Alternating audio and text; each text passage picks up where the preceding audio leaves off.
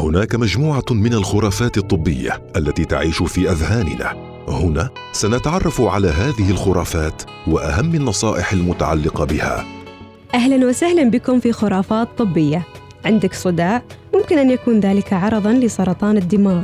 لذلك أنت تحتاج لأشعة مقطعية للرأس. ما حقيقة هذه العبارة؟ خلونا نتعرف على التفاصيل. خرافات طبية مع سميره الفطيسية. أغلب أسباب الصداع تنحصر ما بين الصداع التوتري، الصداع المرتبط مع نزلات البرد، الصداع النصفي وصداع الجيوب الأنفية. أما صداع أورام الرأس فهو نادر جدا جدا.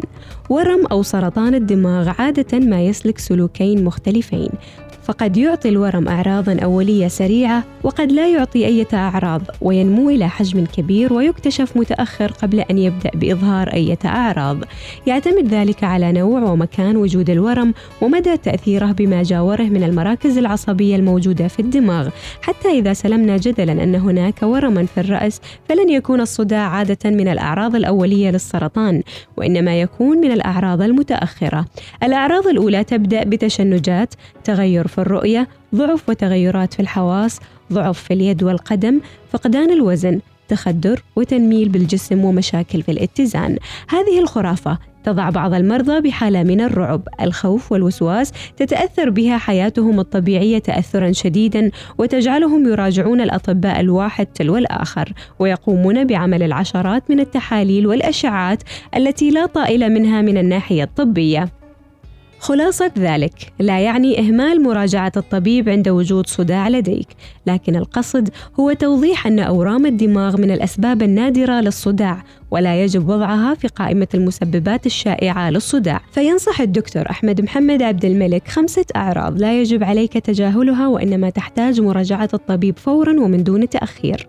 ضعف في اليدين أو الرجلين في جزء من الجسم مع تغيير بالإحساس وتخدر وتنميل وتغيير في الرؤية وصعوبة في نطق الكلمات والحروف وهي أعراض الجلطة الدماغية.